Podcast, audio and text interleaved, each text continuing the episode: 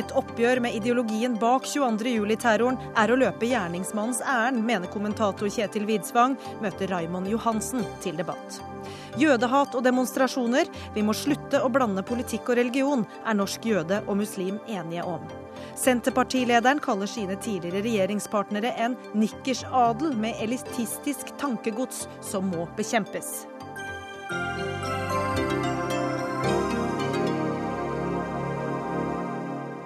Jeg heter Gry Blekastad Almås og ønsker vel møtt til Dagsnytt 18, der vi også får besøk av Telenor-sjef Jon Fredrik Baksås etter hvert. Han svarer på hvorfor norske mobilkunder må betale dobbelt så mye som danske kunder for Telenors tjenester.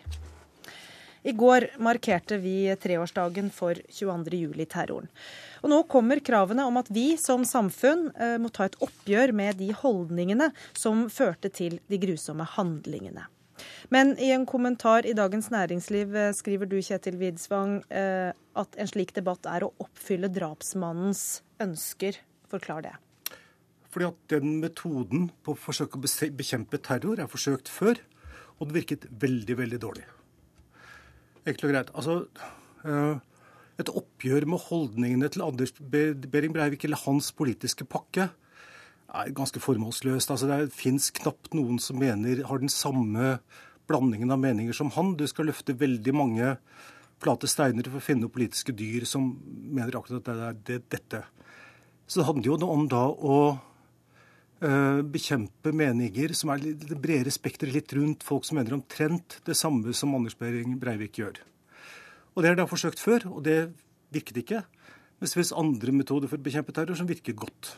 Når er det prøvd før og ikke har virket? 1970-tallet, uh, hvor venstreterror var et mye større problem enn høyreterror er i dag.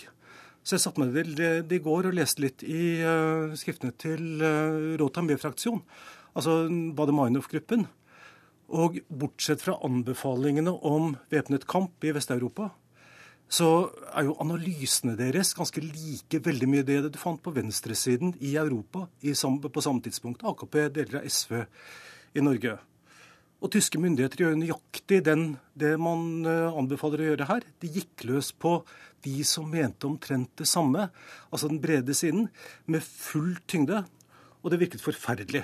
Altså, du stengte ut folk fra, som hadde venstreorienterte meninger fra jobber i offentlig sektor, og du skremte Uh, og du, du, klarte ikke å avskaffe terroren. Tvert imot så fikk du en annen og tredje generasjons uh, generasjon med terror. Det er den dårlige måten. Mens du, måte. du har etterlyst et uh, oppgjør, partisekretær i Arbeiderpartiet Raimond Johansen. Hvorfor mener du det er viktig og riktig med å ta et, et slikt oppgjør? Det er ingen enkel debatt. Det har Widsvang helt rett i. Jeg skal prøve å gi et bilde. Mange har et bilde av Norge som at det flommer over av innvandrere. Det er for mange her fra før av.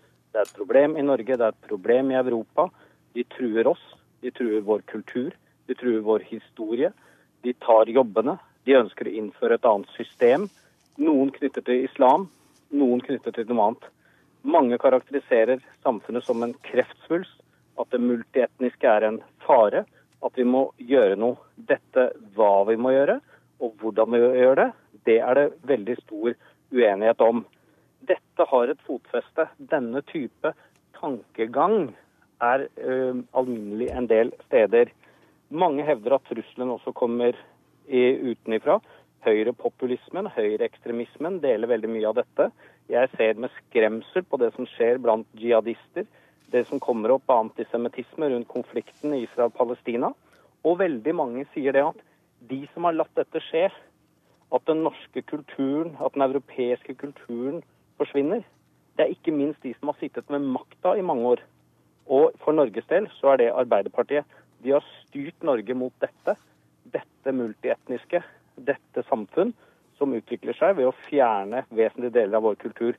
Det er det viktig å, å debattere. Men hva sier du da til at man ved å ta denne debatten også løper gjerningsmannens ærend eh, i dette tilfellet? Denne debatten uh, fins jo. Disse holdningene fins jo. Og uh, jeg tror ikke vi skal være så elitistiske som jeg opplever at uh, Kjetil er her.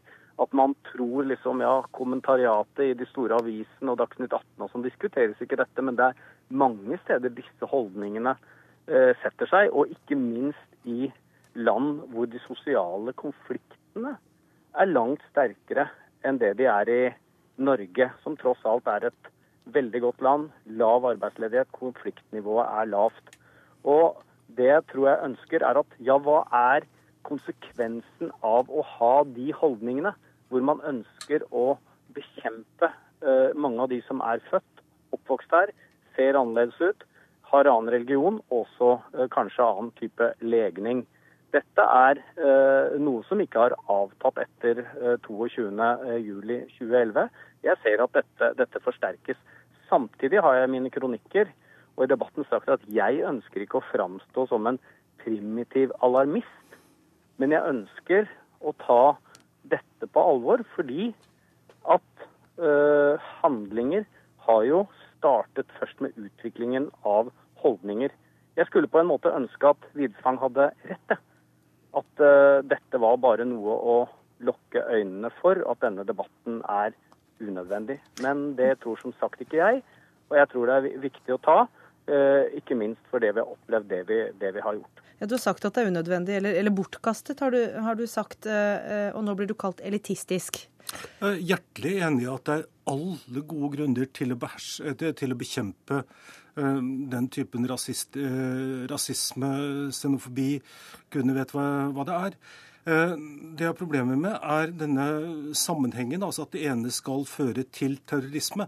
Altså bekjemper man Eh, terrorisme, lojalistisk terrorisme i Nord-Irland ved å gå løs på de presbyrianske greiene til, eh, eh, til presteskapet der, eller katolikkene. Tar man Bekjemper man islamistisk terrorisme må gå løs på, på islam. Altså, det er, det er årsakssammenhengen du har problemer med. Som er, er, er kjempeproblematisk. Jeg tror vi snakker litt forbi hverandre. Altså, jeg mener bare å ta til uh, motmelde og si at uh, det norske samfunn så er vi dømt til å leve side om side med ulike kulturer, ulike holdninger. Og at de nye som har kommet til Norge, ikke er en trussel mot, vårt land. Men hvordan ser du for deg at et oppgjør med disse holdningene du snakker om, skal foregå, da? Jeg mener noe så enkelt som at fakta skal ha makta. Det betyr at vi må delta også på de arenaene hvor eh, konspirasjonsteoretikere, høyreekstremister, høyrepopulister eh, sprer om seg med veldig mye feilaktig propaganda som eh, lett blir sittende uten å ta til, til motmæle. Men dette som utgangspunktet er, Anders Behring Breivik, hvordan fører dette til terrorisme? Eller mener, mener du at disse holdningene impliserer terrorisme? Er det noe sammenheng? Hvor er sammenhengen? Jeg har ikke sagt nødvendigvis at det ytterste konsekvens har vi opplevd i Norge at dette også kan føre til eh, terrorisme. Eh, man kan frykte utvikling av soloterrorisme hvis en holdning får grodd at samfunnet er utsatt for en trussel både innenfra, politiske myndigheter. Eh, jeg overstrømmes på av e-poster som eh, hevder at eh, vi ikke vil gjøre noe med kreftsvulstene. Det er en ordbruk som, du, som helt sikkert du som journalist ofte blir presentert for. Og vi har, uh, i hvert fall vi i Arbeiderpartiet, har siden uh, eh, 22. for tre år siden lukket øynene og ikke vært uh, villig til å ta den debatten høyt oppe. Og den debatten er jo, har jo skapt en, det er en grobunn for og en aksept for det, hvor språkbruken blir veldig hard. De to siste dagene så har jeg også nevnt språkbruken knyttet til romfolk. Mm. til homoseksualitet blant, blant en del uh, muslimer. Dette er med på å styrke en hatretorikk, og det sterkere hatretorikken er, dess større fare er det for handlinger på sikt. Heng med oss, eh, Raimond Johansen. Jeg vet du er på vei inn i et møte, men hvis du har mulighet til å henge med oss litt til, eh, så er det veldig fint. For vi skal en liten tur til Sverige, der vi har med oss Ali Esbati. Eh, du sitter i den svenske riksdagen for Venstrepartiet, men har bodd mange år i Norge og var til stede på Utøya 22.07.2011. Og vi skal aller først bare høre et lite klipp fra hva du sa dagen etterpå i et intervju med Ukeslutt. Jeg trodde at allting var klart, for at vi hørte helikopteren, så ambulanse på andre siden, forsøkte vinke til båter, og så en del hadde gått ut i vannet for at de ikke ville være på land. Og da eh, dök han opp eh, plötsligt. Liksom. Då var han 10 meter, 15 meter eh, nær, eh, litt ovanfor meg. Ditt møte med gjerningsmannen her og debatten etterpå har gjort deg sint, Ali Esbati. Eh, men først da du i sommer flyttet tilbake til Sverige, eh, så kan du slippe dette sinnet løs, skriver du i Dagens Nyheter og i Klassekampen i dag. Hvorfor har du ikke klart å være sint i Norge? Nei, altså jeg har vel eh, klart det da og da også, men, men jeg mener at den norske eh, debatten har ju varit så att den har inbjudit väldigt mycket till, en, till eh, konsensus och samförstånd och det var alldeles utmärkt eh, direkt efter dådet. Jag tycker att det var Norge visade sig från sin allra, allra finaste sida de, de, dagarna som följde. Men jag menar att om man ska placera in den här eh, i sin eh, riktiga politiska kontext. Det här politiska attentatet måste förstås politiskt. Då måste man också vara beredd på att ta debatter som, som, inte, eh, som, som inte slutar i att alla är överens eh, om, om det allra mesta utan att man faktiskt har, eh, har eh, skillnader i, i, synpunkter och, och åsikter runt vad som, vad som skedde och tolkningen av det. Och det har, det har ju varit svårt att göra det och en del av det beror ju på det som Raymond Johansen har beskrivit eh, i, intervjuer och så att det Arbeiderpartiet eh, satt i, regjeringsställning og tog veldig väldigt mycket den rollen at att man skulle eh, inte skapa eh, några större konflikter rundt detta eh, politiskt utan at man skulle si at det var et angrep på Norge. Vilket det ju var på ett sätt men det var naturligtvis ikke alls bare det utan det var ju ett angrepp på Arbeiderpartiet, på det mångkulturella samhället, på vänsteraktivister, på eh, de som er eh, måltavlor for den ideologi som Anders Behring Breivik står for og som han jo er mye, mye langt ifrån ensam om. Det er jo det som er intressant her, at det, den beskrivningen av, av at Breivik er,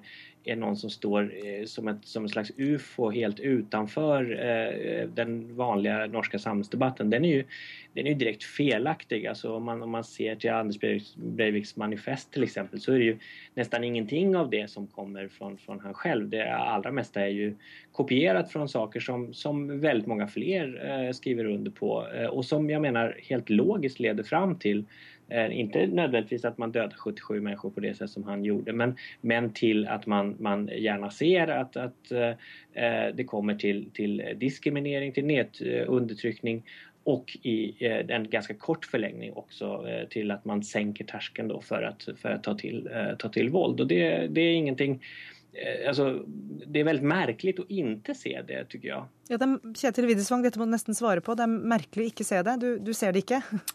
Nei, men er, Igjen så har du jo den klare parallellen til 70-tallet og for så vidt din politiske retningen som Abati tilhører.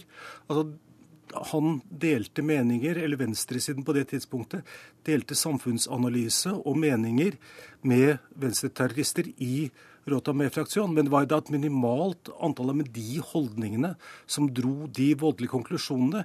Parallelt så er faktisk den ytre høyresiden, innvandringsfiendtlige høyresiden i Europa i dag, mer fredelig enn det ytre venstre var på 70-tallet. Slik at å dra, de, eh, da, dra den følgeslutningen er, er ganske håpløst. Det funker ikke. Derimot så funker ja, det mye bedre å ta en sosiologisk tilnærming til det. Altså, den parallellen er jo, er jo bisarr. Det jeg prater om, er jo at, eh, at eh, om man eh, som, som de som abonnerer på den verdensbilden som Breivik har, så, hvilket du kan finne på alle mulige steder rundt om i nettet, på, i, i bøker som skrives av, av prominente mennesker, så, så, er det veldig tydelig at, at den, den, logiske følgen av denne, denne diskursen, det her settet å se på verden, er at vi kommer ikke eh, framåt om ikke vi på noe sett får undan millioner mennesker som bor i, eh, i eh, Europa og i vestverden. Eller åtminstone får dem til å, kjenne seg som andreklassens medborgere. Og dessuten, det, det, også det ständigt återkommande i den här retoriken och världsbilden är ju att det finns då femtekolonnare förrädare som ju består av, av eh, vänsteraktivister, av, av politiska partier mm. som, som Arbeiderpartiet, eh, som, som PK-eliten. da. Ok, eh, Det er ikke ingen tvil om at dette engasjerer. Og Dagbladet har i dag en leder om dette. Andreas Humpland, du er kommentator der. Et feilspor er karakteristikken dere gir Widsvangs kronikk. Hvorfor er han på feil spor? Ja, altså Nå er jo Kjetil inne på et helt annet spor enn det han skrev i sin kommentar for to dager eller i går. Så den, eh, den, tråden, den, røde tråden der skal ikke jeg ta opp nå. Men ellers så må jeg si at jeg ikke forstår eh, Kjetil Hvitsvangs poeng med at debatten må ikke politiseres. Altså, nå har det vært psykiatrisert over Anders Behring Breivik, og har det vært juridisert over eh, skyldspørsmålet. For min del er vi da ferdig med Anders Behring Breivik som person og som et psykiatrisk fenomen. Men så mye har vært kobla til personen Breivik. Det er skrevet mange bøker om Breivik for å forstå Breivik. Men poenget er, mitt poeng ville være at uh, den eh, grobunnen eller gjørma som Anders Behring Breivik vokste ut av og utvikla seg til en monsterplante. Det, hva som fins i den gjørma som kan skape nye lignende vekster, den er det nødvendig å gå inn i. Og jeg sier ikke at eh, alle som deler noen synspunkter med Breivik, er guilty by association.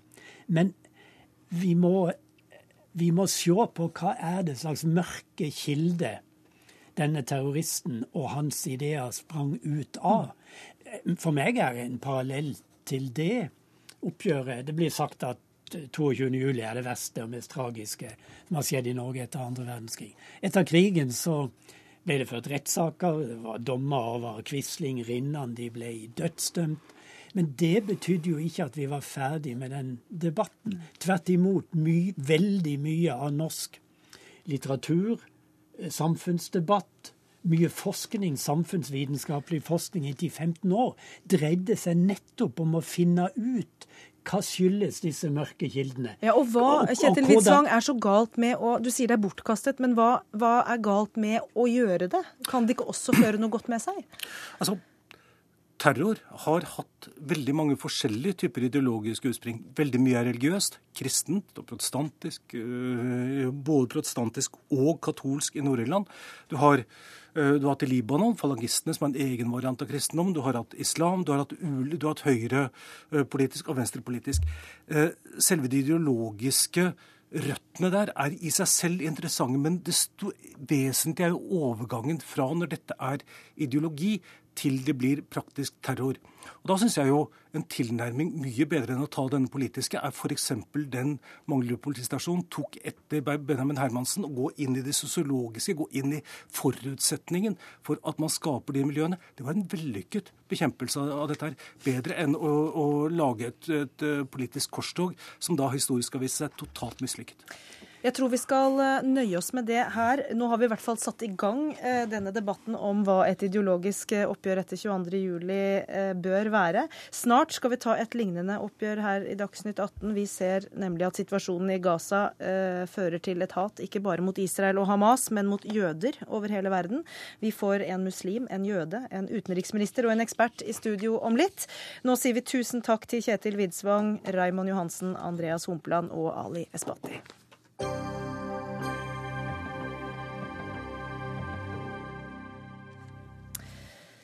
De første kistene med de nederlandske ofrene for flykatastrofen i Øst-Ukraina har kommet til Nederland i dag, og Nederlands statsminister Mark Rutte har erklært dagen for en nasjonal sørgedag.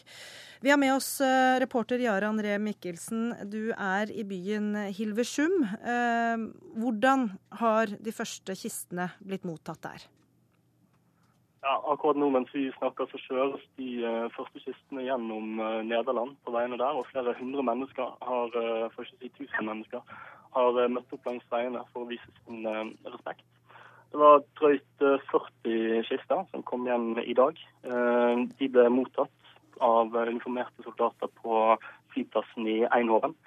Der hilste soldatene de både hilsen og fanfare når baklukene gikk opp, før de bar de ut av de to australske militærflyene som hadde fraktet de til Nederland. Uh, som du sa, statsministeren uh, var på markeringen. Det var også det nederlandske kongeparet. Um, det var selvfølgelig en seremoni som var preget av uh, mye alvor, mye sorg og dyp respekt. Men det som kanskje gjorde sterkest inntrykk på meg, det var bilder av disse begravelsesbilene som kom kjørende én etter én inn på flystripen. Så det ga virkelig et bilde av hvor omfattende denne ulykken er, og hvor mange det er som faktisk er omkomne. For de som har kommet hjem i dag, Eh, er jo tross alt bare en liten fjerdedel av de nederlenderne som totalt omkom. Og en enda mindre prosent når du plusser på de andre nasjonalitetene som var om bord på flyet. Hvordan vil du si byen Hilversund er preget av uh, ulykken? Altså, Hilversund er jo en uh, liten by. Uh, 85 000 innbyggere som ligger ca. en halvtime fra Amsterdam. Det er ganske tett miljø her. Totalt har byen mistet tolv personer. Men det som jo er spesielt, er at dette var et uh, vanlig passasjerfly som ble skutt ned, og de som var om bord, skulle på ferie. Så her er det altså hele familier som er røsket ut av et lokalsamfunn, og noen steder sitter det bare besteforeldre igjen. Det tydeligste tegnet på at byen er i sorg, er nok flaggstengene. Samtlige av flaggstengene har firt det nederlandske flagget på halvstang. Det gjelder både de offentlige bygningene og også private hjem. Takk skal du ha, Jarand Ree Mikkelsen. Trond Heier, du er professor i katastrofepsykiatri ved Universitetet i Oslo. Og hvilken funksjon har en nasjonal sørgedag? Det, altså Nederland er jo en, en, en, liten eh, nasjon. Det er jo bare 16 millioner innbyggere. Eh, det er eh, om lag tre ganger det vi har. Og antall døde er her oppe i 300. 298 er det vel, og det flertallet er nederlendere. Så, så det, det, betyr jo at eh, eh, veldig mange kjenner eh, noen som da er omkommet, eller pårørende av omkomne. Og enda flere kjenner noen som kjenner. Sånn at hele nasjonen er på sett og vis rammet. Eh, sånn tallmessig, sånn relativt sett, så er jo eh, tallene omtrent som 22.07 var for Norge når det gjelder antall omkomne i forhold til antall innbyggere. At, så, sånn at hele nasjonen tar del, eh, det, det, det er jo ikke bare pga. av de nære pårørende, men det er jo for det, også for den nasjonen som sådan er, er rammet. Men hvilken betydning har det for de som har mistet noen, at uh, også konge og statsminister osv. deltar i en uh, felles sorgprosess? Der og da så er det jo en, en, støtte. Det er at hele nasjonen står bak og viser uh, sympati og støtte, er en, er en, en, flott ting for de pårørende. Oppfyller, det oppleves som, som, som, meningsfylt. Men det er samtidig en belastning. Altså, vi vet jo fra 22.07. for tre år siden at mange, mange, av de pårørende de har da i ettertid fortalt at uh, all viraken rundt, altså uh, minnemarkeringene, rosetogene, etter hvert rettssaken, um, behovet for å forstå alt alt det kollektive det tok så stor plass at det tok lang tid. De kaller det å sette sorgen på vent. De kom liksom ikke i gang med det livet hvor, hvor det privatlivet som sto i fokus, eh, og, og relasjonen til den, eh, til den, døde skulle bearbeides i normale under normale omstendigheter, det kom ikke i gang pga. denne store kollektive eh, sorgen og sorgprosessen. ja, Hvis det er en belastning for de som står nærmest katastrofen, eh, hvem er da nasjonale sørgedager for? Jeg tror ikke det er noe alternativ. Jeg tror Når en nasjon rammes så hardt, så må man gjennom dette.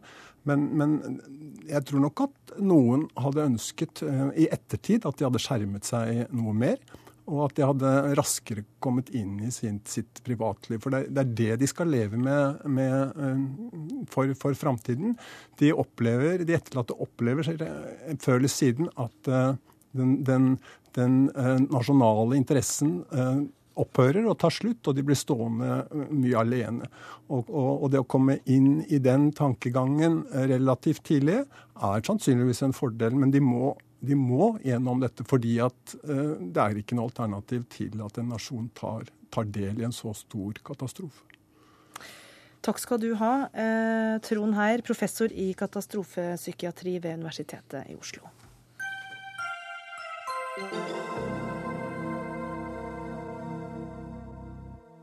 Da skal vi til Midtøsten. FNs menneskerettighetskommissær går i dag ut og sier at Israels handlinger i Gaza kan være i kategorien krigsforbrytelser.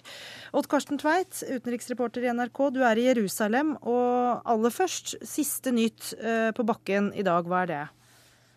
Det er mer død og mer ødeleggelser på Gazastripen og tusener av nye palestinere som har mistet alt de eier, og som sitter fortvilt i hager og i FN bygninger og, og forsøker å, å, å, leve videre. Mens da israelerne ruller videre frem langs en tre kilometer sone fra grensen og, og, og, går videre. Og akkurat like før sending så kom det en melding om at også tre nye israelske soldater er drept. Slik at det er også kamper eh, mann mot mann mellom Hamas sin gerilja og israelerne. Dette at FN eh, snakker om at det kan være snakk om krigsforbrytelser, eh, hvilken betydning har det? Ja, Israelerne har ikke uh, brydd seg særlig mye om slike anklager tidligere. fordi det er ikke første krig det er kommet eh, klager eller påstander om krigsforbrytelser. Jeg husker selv da i, i, i, i Libanon i 1996. Da ble 100 sivile drept i et uh, artilleriangrep. De hadde tatt uh, um, gjemte eller var i en flyktningleir inne i en FN-leir. Og da var det også snakk om uh, krigsforbrytelser. Men de ansvarlige slapp unna. Det ble aldri rettet noen sak mot de. Tvert imot, lederne klatret videre opp i systemet. Men vi har også sett at de enkelte israelske politikere har blitt advart mot å reise til utlandet. Og enkelte generaler har faktisk alt sittet i fly i London og ikke gått ut, fordi det er frykt for at de kan bli arrestert og bli anklaget for krigsforbrytelser. Den palestinske frigjøringsorganisasjonen PLO nærmer seg Hamas, eh, hører vi i dag. Hva innebærer det for en mulig våpenhvile med Israel? Det innebærer at Hamas sine krav for en våpenhvile, som bl.a. omfatter en slutt på den syv år lange blokaden av Gazastripen, det har PLO og de palestinske selvstyremyndighetene sagt det støtter vi. Slik at kravene til Hamas er nå blitt nasjonale palestinske krav. Mm. Og Så får vi se om dette eh, hjelper noe. Israel har ikke vært villig til å løfte på blokaden. Men nå skjer det sikkert så mye bak kulissene eh, i diplomatiet at vi kan jo vente at noe skjer. Det, er, det går framover med, med museskritt har da eh, vi hørt i dag her i, i Jerusalem. Ja, og nå har vi en av de sentrale aktørene i dette diplomatiske spillet med oss i studio her, nemlig utenriksminister Børge Brende, som nå i ettermiddag kom tilbake fra eh, disse fredssamtalene. Hvordan ser du på mulighetene for fred? Jeg er enig med det som um, Odd Karsten Tveit sier, at det går med museskritt fremover. Jeg kommer jo nå fra eh, Kairo, og den egyptiske utenriksministeren har jo ledelsen i de samtalene som nå uh, pågår. De la jo frem et våpenhvileforslag på tirsdag i forrige uke som hadde full støtte hos Den arabiske liga, alle utenriksministrene i den arabiske verden, og president Abbas i Palestina sin støtte. Dette aksepterte uh, Israel, men ikke Hamas. Mye har skjedd etter det. Blant annet så har Israel gått inn Eh, i en militær eh, intervensjon, og med store og alvorlige og uakseptable følger for sivile. Så det reviderte forslag til våpenhvile som man nå arbeider med, må jo inneholde elementer bl.a. som adresserer dette med blokaden. Hva skal skje etter en våpenhvile? Kommer fredssamtalene opp igjen? Er Israel villig til å si at under den type fredssamtaler eh, så vil det ikke bli nye uh, bosetninger i strid med folkeretten uh, på Vestbredden? Så det er et bredt spekter av spørsmål. Og nå er jo USAs utenriksminister John Kerry i Tel Aviv sammen med FNs generalsekretær Ban Ki-moon. Men er det først og fremst Israel det står på her? I forrige uke på tirsdag så aksepterte jo Israel våpenhvileforslaget fra Egypt, som hadde full støtte fra president Abbas og uh, alle de arabiske utenriksministrene. Men etter den tid så har jo nærmere 700 mennesker blitt drept. Over, det er ikke våpenhvile. og over 4000 er skadd, de fleste sivile og mange barn. Og Vi står overfor en svært alvorlig situasjon nå, ikke minst når FNs eh, høykommissær for menneskerettigheter begynner å sette spørsmålstegn eh, både ved humanitærretten, folkeretten og komme med utspill om at man må rett og slett eh, granske om det har skjedd krigsforbrytelser her. Hvordan vil du karakterisere det vi er vitne til nå? Det er uakseptabelt. Det er en eskalering eh, som eh, man rett og slett eh, ikke kan finne seg i. Eh, jeg mener at Israel har gått eh, for langt.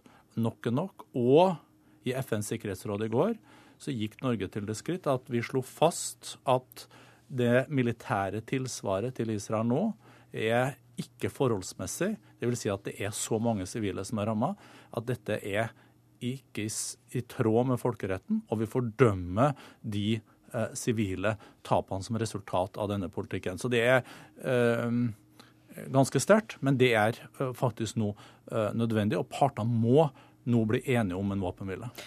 Og dette er jo en konflikt som skaper harme i store deler av verden. Eh, I ettermiddag har det vært demonstrasjoner både i Oslo og i Bergen eh, mot Israels krigføring i Gaza. Eh, I Oslo møtte mellom 1000 og 2000 mennesker opp. Der er du, Dana Vanono, nærmere bestemt ved den israelske ambassaden i Oslo. Hvordan ser det ut der nå? Ja, Her har det altså møtt opp mellom 1000 og 2000 mennesker. Politiet har stengt gata slik at demonstrantene ikke kommer helt fram eh, til ambassaden. Men eh, her hvor jeg står, så fargelegges gata av eh, palestinske flagg og paroler. Og folkemengden her roper slagord om at blokaden og okkupasjonen må opphøre, og at regjeringa må kreve at Israel følger folkeretten. Hvem er de som demonstrerer? Eh, her er Palestinakomiteen og eh, Fellesutvalget for eh, Palestina. De er arrangørene. I tillegg så har LO-leder Gerd Kristiansen og Rødt-leder Bjørnar Moxnes holdt appeller. Takk skal du ha, Dana Vanono. Og eh, mens vi hørte på deg, så kom det meldinger om at FN nå skal granske menneskerettighetsbrudd på eh, Gazastripen. Eh, det skal starte en internasjonal eh, granskning, er den korte meldingen som er eh, kommet nettopp nå. Jeg vet ikke om du vil kommentere det, Børge Brende? Dette syns jeg er veldig klokt. Norge tok til orde for en granskning i FNs sikkerhetsråd i går kveld. For å kunne fastslå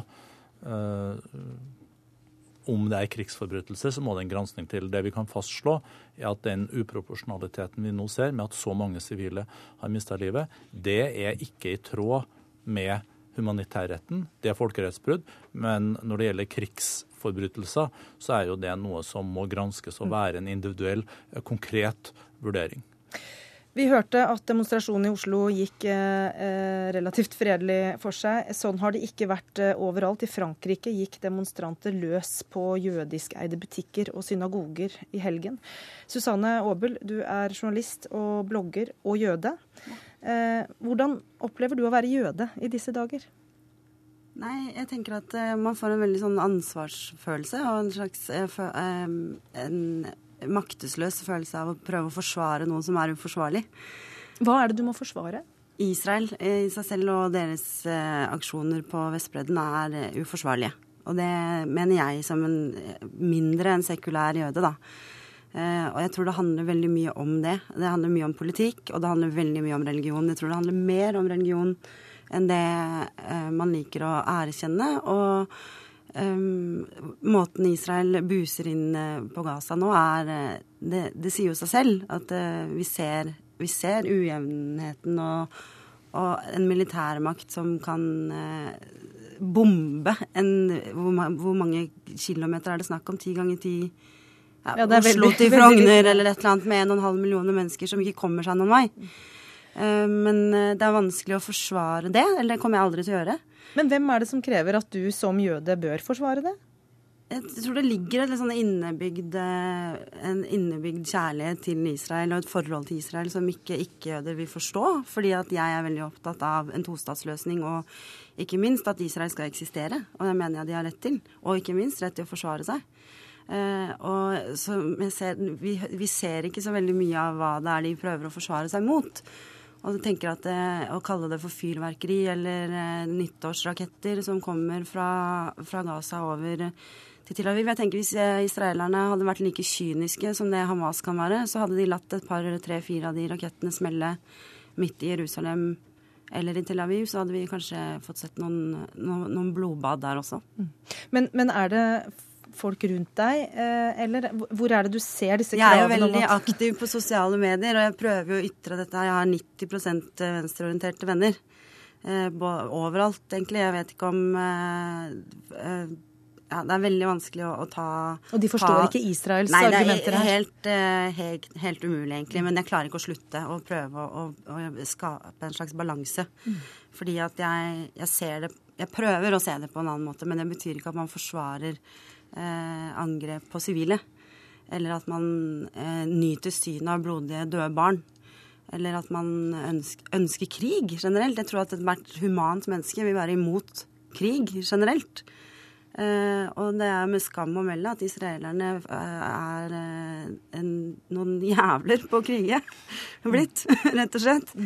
Eh, så ja. Omar eh, Ashraf, eh, du er eh, samfunnsdebattant og muslim. Eh, Og du skriver i en kronikk i Aftenposten i dag at eh, du ser jødehat delt av eh, muslimer på sosiale medier. Eh, Hva slags innlegg er det du har sett som du reagerer på? Nei, altså det, jeg vil si Den verste jeg har sett, er vel en som har sirkulert veldig mye på Facebook, hvor du har et bilde av Hitler. Um, som sier noe i den duren som at jeg hadde drept alle verdens jøder, hadde det ikke vært for uh, at jeg ville vise resten av verden hvem de er, eller hva de er, eller ikke sant? hvorfor jeg drepte dem. Ja. Svare på noen, sånn at folk kan Ja, se hvor se hva jødene var. står for. Uh, det er vel det verste jeg har sett. Hvor, hvorfor uh, tror du eh, enkelte muslimer sprer denne typen ting? Jeg tror ikke det er bare muslimer. Jeg må, uh, først og fremst må vi spesifisere det. Og så må vi også spesifisere det at de få muslimene som gjør det, de er ikke representative for, for majoriteten. Eh, men jeg tror at ve veldig mange mennesker har veldig store problemer med å kunne skille stat og religion. Eh, og jeg tror også det er mangel på kunnskap på området. Jeg ser også at de samme muslimene sliter med å fordømme Hamas sine handlinger, men er først ute med også, også fordømme Israel. Um, så ja, jeg, vanskelig å si, men jeg tror det vil, jeg vil kunne si mangel på kunnskap. Men hvorfor oppstår eh, den type ytringer eh, i Norge i den situasjonen vi er nå, tror du? Jeg tror det er, eh, jeg tror det er eh, veldig mye frustrasjon. Jeg tror veldig mange eh, ønsker å presse gjennom et initiativ om en fredsavtale. Børge Brende har jo fått merke det sjøl de siste dagene, og det er jo veldig mye som blir kommentert rundt, rundt akkurat det. At det er et politisk press uh, ute blant uh, massene. Og så skriver du at jødehat er uislamsk. Eh, kan du forklare hva du mener med Nei, det? jeg- legger jo i grunnen egentlig et eh, utdrag fra Koranen eh, i, i denne kronikken. Og ehm, det, det står veldig klart ikke sant, at, at eh, jøde, jøder og, og kristne er, er people of the book. Det er noe som spesifiseres, og som monoteistiske religioner blir anerkjent i eh, i Koranen. Og da syns jeg liksom med bakgrunn i det utdraget jeg velger å dele, så kommer det veldig klart fram at eh, jødehat det er ikke noe rom for det. Det er ikke noe rom for rasisme eller å hate mennesker på bakgrunn av deres religion. Og alt det som foregår i Israel, det har jo ingenting med jødedommen å gjøre i det hele tatt. Det er et rent politisk spørsmål, ikke et religiøst et, for min del. Og likevel så ser vi eh, jødehatet, og ikke minst da i eh, Frankrike. Tove Gravdal, du er journalist i Morgenbladet og en kjenner av Frankrike. Hvorfor eh, har det blusset opp igjen i Frankrike, tror du? Ja, Det er en veldig kompleks forklaring på det. Det finnes jo dype røtter for antisemittisme i Frankrike. Franskmennene var jo noen av dem som samarbeidet tettest med tyskerne under krigen om deportasjoner av jødene. Vi husker Dreyfus-affæren for over 100 år siden. Eh, Så kom det med en stor bølge med innvandring fra 60-70-tallet, og samtidig med en forverring av økonomien i Frankrike på 80-tallet, så kom det en bølge av antisemittisme som eh, har røtter i de store arabiske miljøene i Frankrike. Og så har du en siste form for antisemittisme som er eh, av omtrent samme dato. Det er en stor gruppe av afrikansk herkomst i Frankrike som, som anklager jødene for å monopolisere lidelse, og sier at eh, slavetransporten over Atlanterhavet var like alvorlig som holocaust. Og, og, blir, og Det er særlig de to siste typene da, som blander seg nå i, i de demonstrasjonene vi har sett, som har utartet til antisemittiske handlinger. Og ja, kanskje det handler noe om religion, men først og fremst i Frankrike så handler jo dette om en dyp sosial og økonomisk krise. Frankrike har en ledighet som har ligget på rundt 10% og nå langt over 10% i 30-40 år. Og de som er dårligst stilt på arbeidsmarkedet i Frankrike, er eh, unge franskmenn av arabisk opprinnelse. Heter du Mohammed, så får du nesten ikke jobb. Ledigheten blant unge under 24 år, den gruppen er på 40-50% Men det at det blomstrer opp nå, er det da eh, et behov for å ha noen å skylde på for at man har et dårlig liv, og så tar man på en mm. måte det som er aktuelt i øyeblikket, eller? Ja, det, det kjenner vi jo igjen fra mange samfunn, også i den arabiske verden har det jo vært eh, opportunt å skylde på Israel for eh, det Mubarak og andre diktatorer gjorde feil i mange år. Og, mm, og det ser vi definitivt eh, som et fenomen i Frankrike. I tillegg, altså, Det er en, en slags malplassert et sinne da, som jo definitivt burde, rette seg mot franske myndigheter, som så totalt har sviktet i å møte en kategori mennesker som er, føler seg fullstendig ekskluderte. Og når det som skjer nå på Gaza eh, dominerer i nyhetsbildet, og ikke minst på sosiale medier, som veldig mange av disse menneskene bruker aktivt, så er det også en stor grad av identifikasjon, så vidt jeg forstår på, på, franske eksperter, i hvert fall, som sier at eh, de ekskluderte i de franske forstedene identifiserer seg veldig lett med de ekskluderte, de innelukkede menneskene som bor i Gaza. Eh, Børge Brende, nå eh, hører vi at forklaringen for Frankrikes del eh, handler om økonomiske tilstander osv. Men når vi nå har hørt fra andre her at dette florerer også i, i, Norge, hvor vi ikke har den samme økonomiske nøden, så er det fristende å spørre deg om du har noen forklaring på hvorfor vi ser denne typen tendenser også her? Kanskje er det at vi til vanlig ikke diskuterer det. Derfor syns jeg det er veldig bra at NRK har tatt initiativet til en diskusjon, for det er så sterke motsetninger nå i den konflikten som skjer på Gaza. Jeg har vært klar eh, på det uakseptable Israels opptreden. Men det er jo landet Israels utenriks- og forsvarspolitikk. Eh, det har ingenting med jøder, det har ingenting med det folkeslaget å gjøre. Og så må det være også slik at vi kan påtale de klare bruddene som har skjedd fra Hamas sin side. Det er eh, hundrevis av raketter som havner inn i Israel. Eh, flyalarmen går mange ganger om dagen. Men vi ser ikke det samme sinnet eh, retta mot eh, palestinerne, da?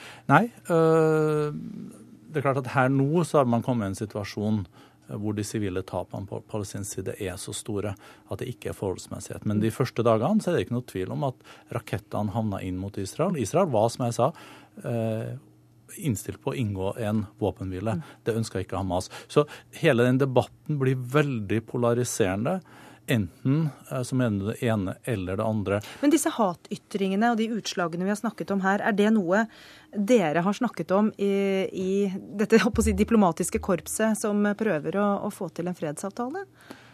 Jeg opplever at uh, i den arabiske verden, med de lederne jeg har snakka med, f.eks. i uh, Egypt, i eh, Emiratene, eh, i Jordan, så er det ikke et, følte jeg ikke at det er noe snev av uh, antisemittisme. Dette er politikk og ulike politiske løsninger. Men i en verden hvor vi ser Midtøsten med ISIL, med Syria, med situasjonen i Irak, det vi har vært gjennom i Egypt, og med uh, ungdommer som hvor opplever 40% ungdomsarbeidsledighet i en del av disse arabiske uh, landene, så er det veldig grobunn for sort-hvitt-tenkning. Uh, og Det har vi sett i Europa tidligere, og dette har ikke noe plass i Europa. Og det å ta et sterkt oppgjør med enhver form for tendens til antisemittisme, at det sitter Eh, en med muslimsk bakgrunn og en med jødisk bakgrunn her nå, og sier det dere sier. Og, og det er så klokt. Det syns jeg er oppløftende. Vi kan aldri tolerere antisemittisme. Det uh, dette er et ansvar vi har for all fremtid etter holocaust uh, og gassing av jøder. Susanne Aabel, hva tror du skal til for at du og andre jøder skal slippe eh, å bli stilt til ansvar for eh, Israels handlinger? Først og fremst så tror jeg flere jøder må tørre å, å snakke ut. Jeg har prøvd å få eh, en del andre eh, jødiske bekjente av meg til å snakke istedenfor meg. For jeg tror folk ikke kan bli lei av å høre den samme stemmen gjenta seg selv om og om igjen. Men folk tør, ikke? tør ikke. Eh, og det at antisemittismen ikke er kommet til Norge, det, er det, vel- har jeg kranglet om eh, på Twitter da, i sikkert fire timer før jeg kom hit. Men hvorfor vil Eh, ikke de du kjenner De tør ikke, fordi at de blir, de blir ropt eh, Jew pig etter.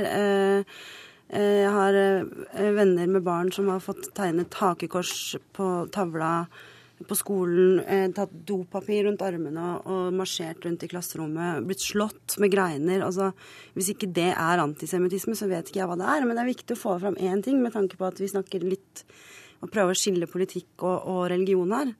Når eh, 11. september eh, traff, så fikk muslimene gjennomgå litt på samme måte som det jødene får nå. Da ble, da ble vi skremt i filler. Og når eh, det smalt 22. juli, så var Hvis ingen tør å innrømme det, så er jeg ganske sikker på at de fleste trodde det var araberne som hadde kommet eh, til Norge. Der eh, må vi sette strek. Takk skal dere ha for eh, at dere var med. Børge Brende, Tove Gravdal, Susanne Aabel og Omar Ashraf. Hør Dagsnytt 18 når du vil. Radio NRK NO.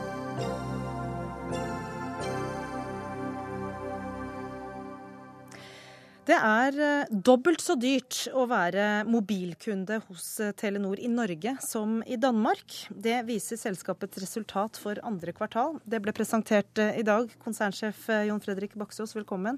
Takk skal du ha. Hvorfor er det så mye dyrere å være mobilkunde i Norge enn i Danmark?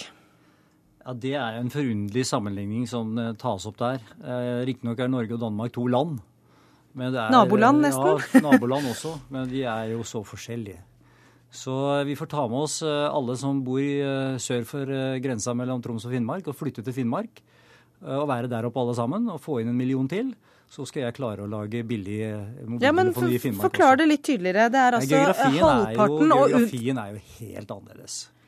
Den Det danske eh, geografien er et flatt land eh, med veldig enkel geografi å bygge. Vi er et langstrakt land med uendelig mange daler, eh, veier. Eh, vi bor i hele landet, eh, og vi er litt færre mennesker.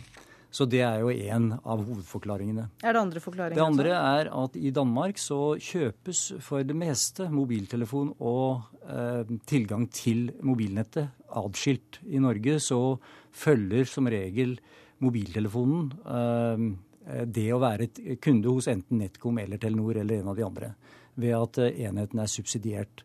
Ja, det betyr jo da at eh, kostnaden også ved håndsettet er inkludert eh, i gjennomsnittstallet for eh, gjennomsnittsbruken i Norge, eh, hvilket du ikke har i Danmark. Og Forskjellen på det igjen kommer fra forbrukerlovgivningen. Der eh, I Danmark kan du ikke kontraktspinne markedet lenger enn seks måneder. I Sverige kan du kontraktspinne i 24 måneder. I Norge kan du gjøre det bare i 12 måneder. Så det er forbrukerlovgivningen som er forskjellig på det punktet. Samtidig så viser jo da eh, resultatene som du la fram i Jo, men det er mange andre årsaker òg. Eh, skal vi ta det, ja. altså, for det første så er Telenor markedslederen i Norge. TDC er markedslederen i, i Danmark. TDC har høyere gjennomsnittsinntekt per sine kunder på tilsvarende måte som det vi har i forhold til eh, de andre aktørene i det norske markedet.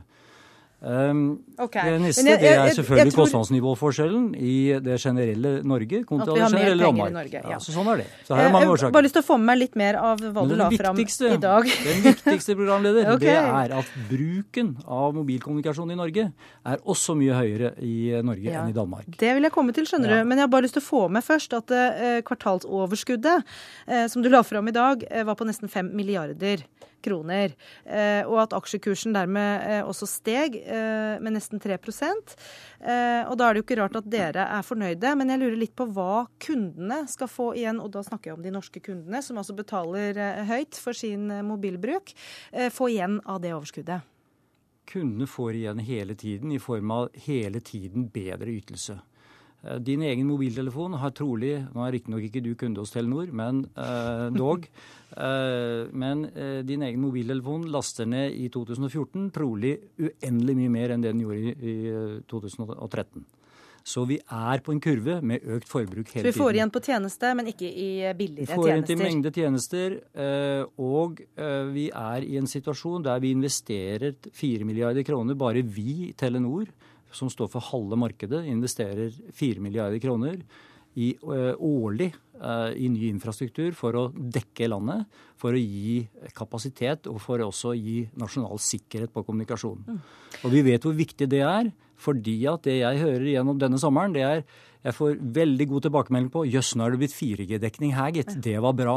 Men jeg får også Oi, hvorfor er den ikke kommet i den vika, i den delen av Eh, av Risøyfjorden.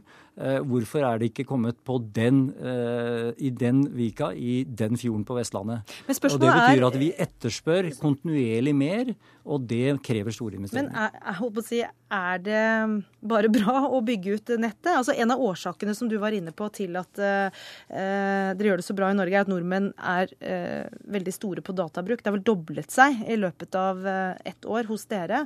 Uh, og nå er vi midt i ferien, og vi hører at folk klarer jo ikke å, å komme seg av eh, internett via mobil. Jeg vet ikke sjøl, er du aktiv bruker av eh, e-post og andre type tjenester i løpet av ferien? Jeg tror ikke vi skal se på meg som en slags form for gjennomsnittsbruker, men ja, jeg bruker jo eh, våre tjenester hele tiden. Men og mange jo, gjør det, og er det, ja. er det, bra? Jeg skjønner at dere i Telenor men, jubler, men er det noe samfunnet skal juble over? Det er en eh, debatt som vi får ta i samfunnet. Og denne annonsen som har gått i sommer, som går på at eh, man må, man må logge av for å logge på, jeg syns den har noe for seg. Fordi den setter et, eh, et spørsmålstegn ved akkurat hvordan bruksatferden vår er. Og det er jo ikke noe hyggelig hvis alle fire i familien sitter med hver sin nese i mobiltelefonen og og finner ut eh, hva som foregår der, kontra å ikke være opptatt av hva som foregår i rommet for øvrig. Eh, og det tror jeg vi alle føler litt på, inklusiv i, i min familie, for den saks skyld. Et spørsmål til slutt. Det norske mobilmarkedet er i endring, og det er blitt klart i sommer at Telia Sonera, som eier NetCom, kjøper opp Tele2. Hva vil det eh, bety for Telenor? Altså Da går det fra to konkurrenter til én stor eh, konkurrent. Ja, isolert sett så eh, betyr vel kanskje ikke det noe akkurat i første omgang. Men eh, dette er jo et resultat av eh, den auksjonsmetodikken som ble valgt på frekvensene i desember i fjor av norske myndigheter der Tele2, som var en operatør, og som har fått stimulans gjennom eh,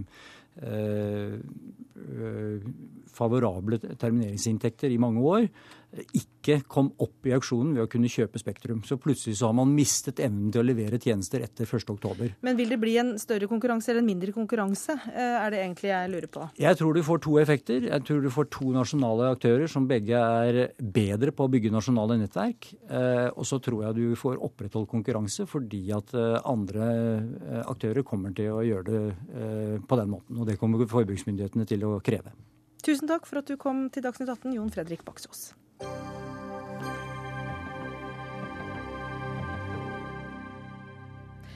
Arbeiderpartiet og SV har elitistiske synspunkter som må bekjempes, og Støre er på linje med nikkersadelen. Dette sier du i Dagbladet i dag, Trygve Slagsvold Vedum, leder i Senterpartiet. Hva mener du med det? det? Det jeg mener med det, er jo for å se på de politiske realitetene. Vi har hatt en stor diskusjon de siste åra om mer lokal forvaltning, bl.a. av snøscooterkjøring. Og der eh, Man ser gang etter gang at Arbeiderpartiet og SV har mer tro på tillits- eller embetsmennene i Oslo enn man har på sine lokale folkevalgte. For vi i Senterpartiet tror at hvis vi hadde åpna for mer lokal forvaltning, så ville man ha innført veldig strenge lokale regler, og at de, det er ingen som bor i Skjåk som vil ha villmannskjøring med scooter. Men når du leser de innstillingene, de innspillene som Arbeiderpartiet og SV kommer med, så er det en sånn liksom sånn grunnleggende mistillit til at folk lokalt kan ta de samme hensynene som man tar nasjonalt. Og vi tror at de som har søkt å bo i Skjåk og ønsker stillhet og ro, også vil si at eh, nei, vi vil ha noen få scootertraseer. Det klarer vi å bestemme sjøl.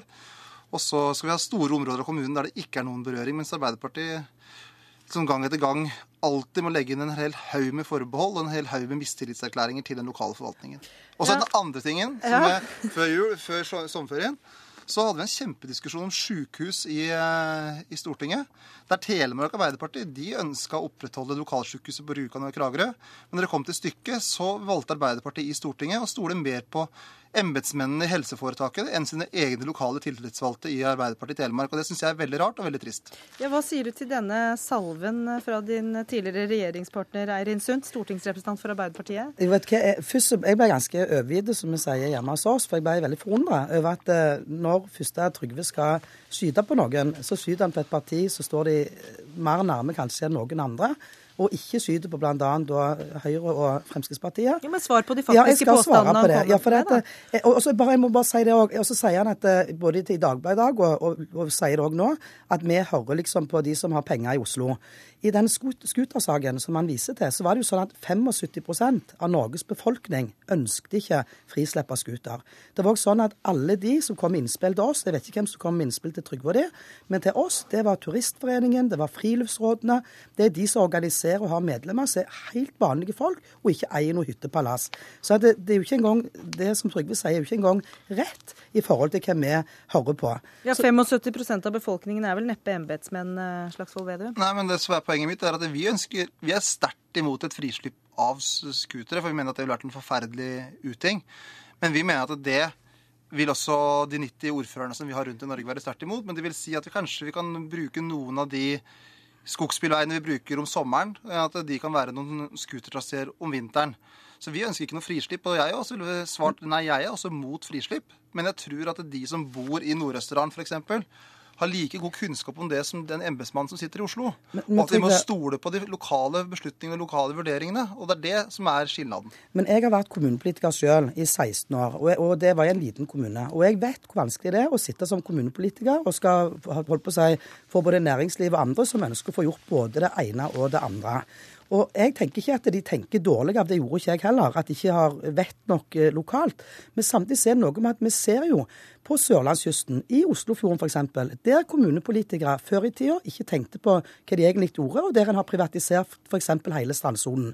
Det at en har nasjonale føringer, ikke som at vi på Stortinget skal bestemme at sånn og sånn skal det være, men noen nasjonale føringer som gir meg og alle andre som er vanlige folk, retten til tilgangen til fjellet, til sjøen, det, det mener jeg er på sin plass. Og så er det sånn, jeg skal innrømme en ting, og det er at jeg er veldig for lokaldemokratiet, men av og til er det òg veldig situasjonsbestemt. For at i en del kommuner så er det Høyre og Frp som styrer, og jeg mener jo at de har ikke vett nok, faktisk, til å styre sånn de burde gjort. Og det gjør jo at jorda blir bygd ned, de gir dispensasjoner i, i strandsonen, og de kommer òg, hvis de får bestemme, til å gi fritt fram for Gud bedre meg alt, òg oppe i fjellheimen. Så jeg hadde det vært Senterpartiet og Arbeiderpartiet som styrte rundt forbi, og vi hadde kontroll på alt, så kunne jeg vært med på det. Med ja, jeg er for kommunalt selvstyre, men det er noe Ikke der hvor Høyre og Fremskrittspartiet styrer. Nei, men det har noe med hva som blir gjort av politikken, da. Og det òg må Trygve innrømme at dette har noe At det er ikke dumt, det jeg sier der. Ja, men, ja, Trygve Slagsvold Vedum, hva gjør disse påstandene med et eventuelt fremtidig videre samarbeid med Arbeiderpartiet og SV for den saks skyld? Nei, men